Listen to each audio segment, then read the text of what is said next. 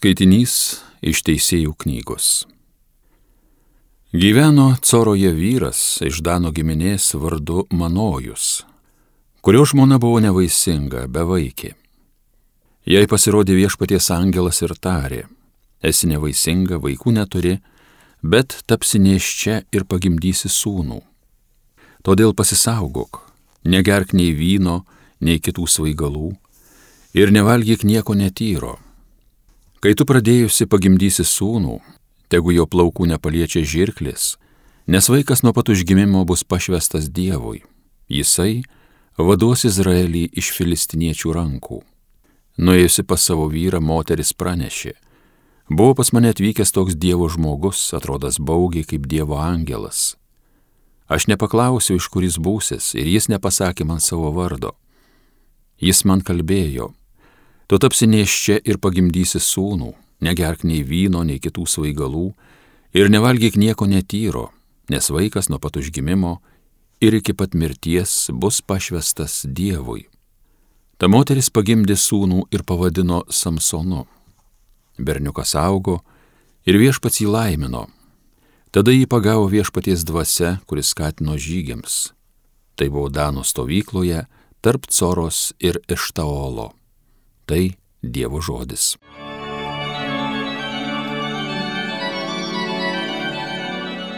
Mano burna tave šlovinte šlovins, garbins per visą dieną. Tu būk mano uola prisiglausti, gelbėtis galinga tvirtovė, tikrai tu mano uola ir mano tvirtovė. Gelbėko Dieve mane nuo nedorilio rankos. Mano burna tave šlovinte šlovins, garbins per visą dieną. Tu Dieve man ramstis, tavim aš viliuosi, nuo pat savo jaunystės, nuo pat užgimimo mane tu globojai, buvai mano sargas, nuo pat kūdikystės. Mano burna tave šlovinti šlovins, garbins per visą dieną.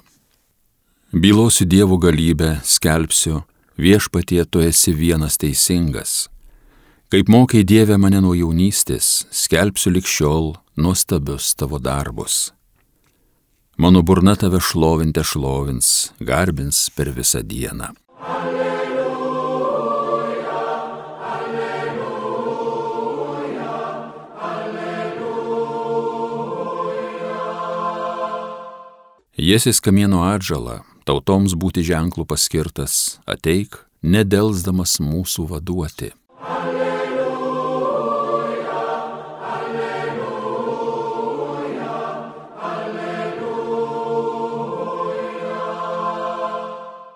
Iš Ventosios Evangelijos pagal Luką. Judėjos karaliaus Erodo dienomis gyveno kunigas vardu Zacharijas iš abijos skyriaus. Jis turėjo žmoną vardu Elsbietą iš Arono vaikaičių. Abu jie buvo teisūs Dievo akise ir nepriekaištingai vykdė visus viešpaties įsakymus bei nuostatus. Juodu neturėjo vaikų, nes Elsbieta buvo nevaisinga ir abu sulaukę senyvo amžiaus. Kartą Zacharijas ėjo pagal skyriaus eilę Dievo tarnystės pareigas ir pagal kunigų paprotį burtų teko jam įžengus į viešpatie šventyklos vidų aukoti smilkalus. Smilkimo valandą laukia meldėsi gausi žmonių minė. Tuomet jam pasirodė viešpaties angelas, stovintis smilkalų aukuro dešinėje. Pamatęs jį, Zacharijas sumišo ir išgastis pagavo jį. Bet angelas jam tarė, nebijok, Zacharijau, tavo prašymas išklausytas. Tavo žmona Elsbieta pagimdys tau sūnų, o tu jį praminsi Jonu. Tau bus džiaugsmas ir paguoda, ir daugelis džiaugsis jo gimimu, nes jis bus didis viešpaties akise. Jis negers vyno ir jokių svaigalų. Iš pat motinos iššių jis bus kupina šventosios dvasios ir daugybę Izraelio sūnų atvers į viešpatį jų dievą. Su Elijo dvasia ir galybė jis žengs pirmą viešpaties, kreipdamas tėvų širdis į vaikus, ir įkvėpdamas neklusniems teisiųjų nusiteikimą, kad parengtų viešpačiui tobulą tautą. Tada Zacharijas tarė angelui, kaip aš tai patirsiu, ašgi jau senis ir mano žmona nebejauna. Angelas jam atsakė, aš esu Gabrielius, stovintis Dievo akivaizdoje. Esu atsiųstas kalbėti su tavimi ir pranešti tau linksmą žinę.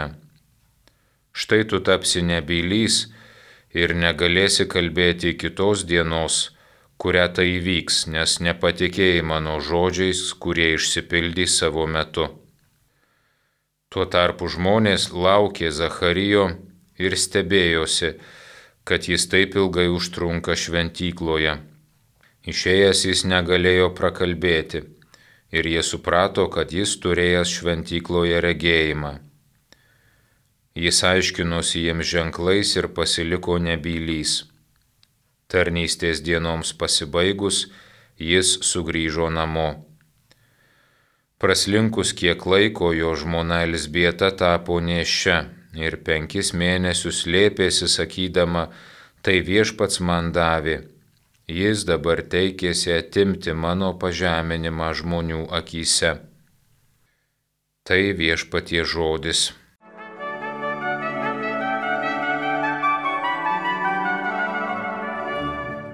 Mėly klausytojai, Evangelijos ištrauka mums pristato du žmonės - Zachariją ir Elsbietą, sutuoktinių porą.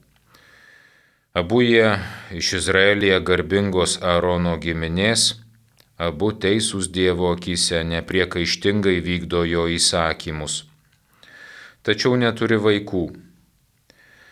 Tai jiems pirmiausia turbūt asmeninis skausmas, matyti žymintis visą jų kasdienybę, darbus, mintis galim ir kiekvieną savęs paklausti, ar tai netliepia ir kai kurių mano jausmų ir minčių. Kokį skausmą aš galbūt nešiojuosi širdyje, nors išorėje to neparodau ir kiti nepastebi.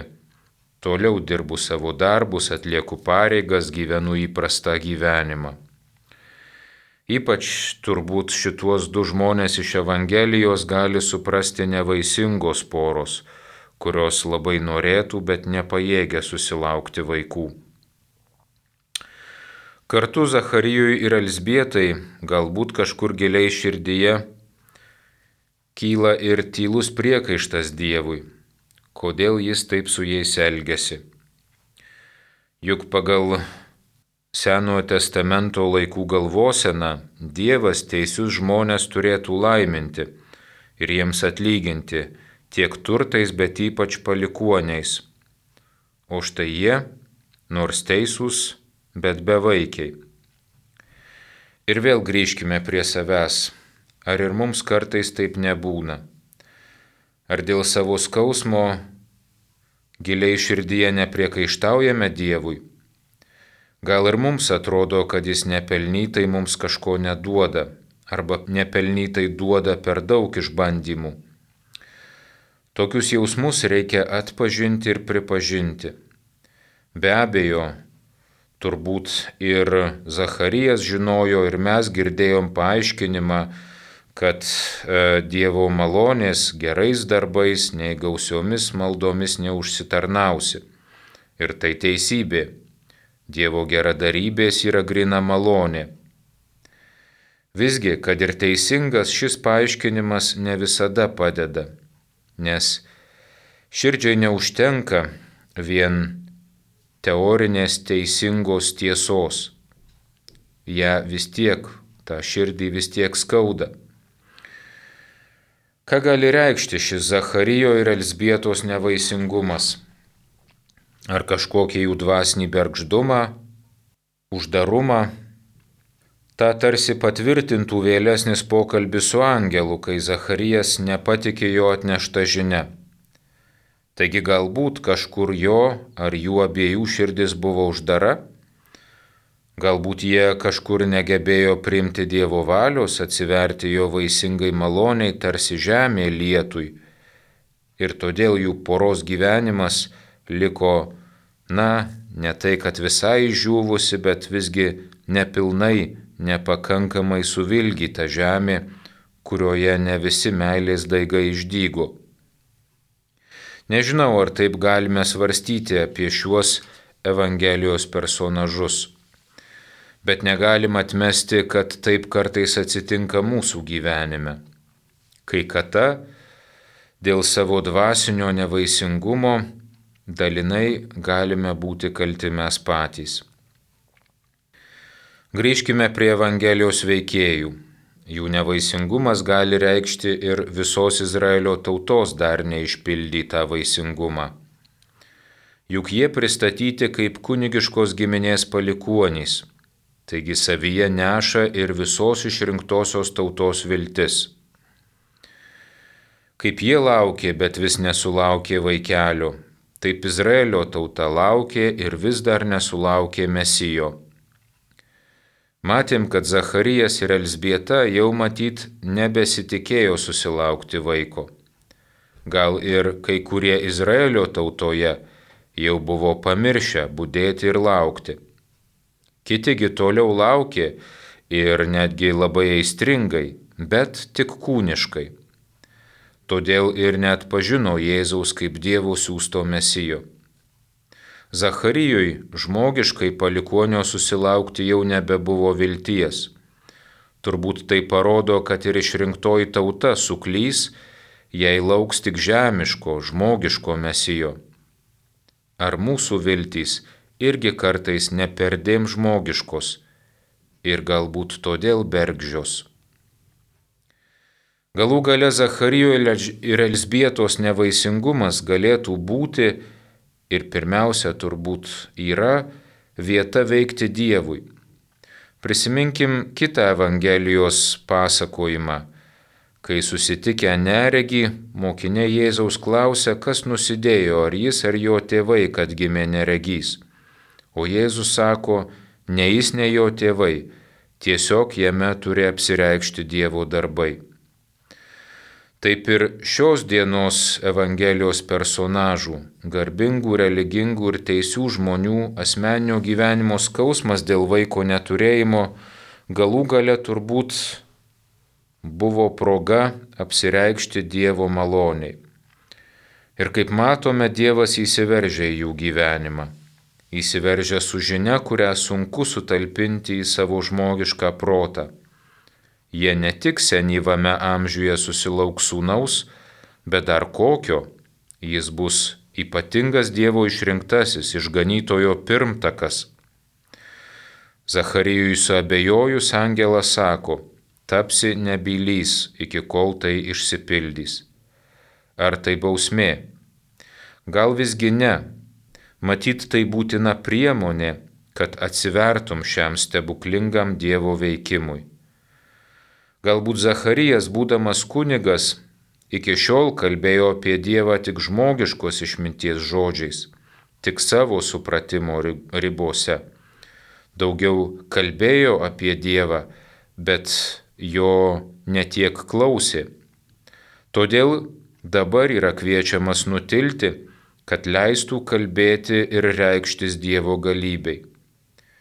Jam dabar eilė paklausyti savo širdyje, savo protę, kad klausydamas Dievo galėtų sutikti su tuo, ką Dievas ruošiasi jo gyvenime įvykdyti, priimti tai, ko negalėtų priimti kalbėdamas, tai yra žmogiškai svarstydamas, kiek tai įmanoma, o kiek ne.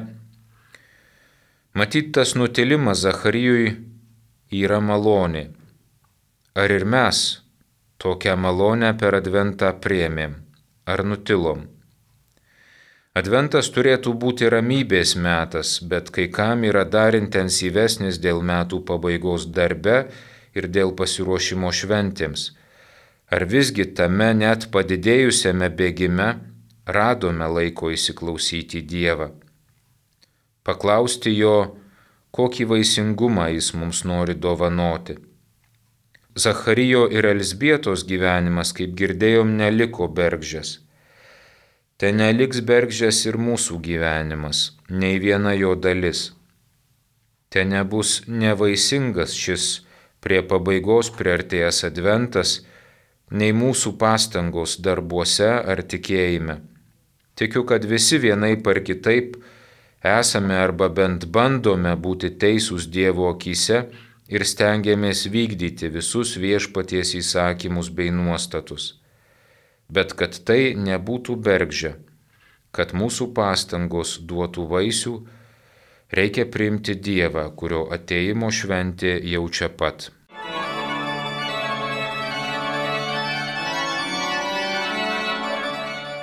Evangeliją skaitė ir homiliją sakė kunigas Žydrūnas Vabolas.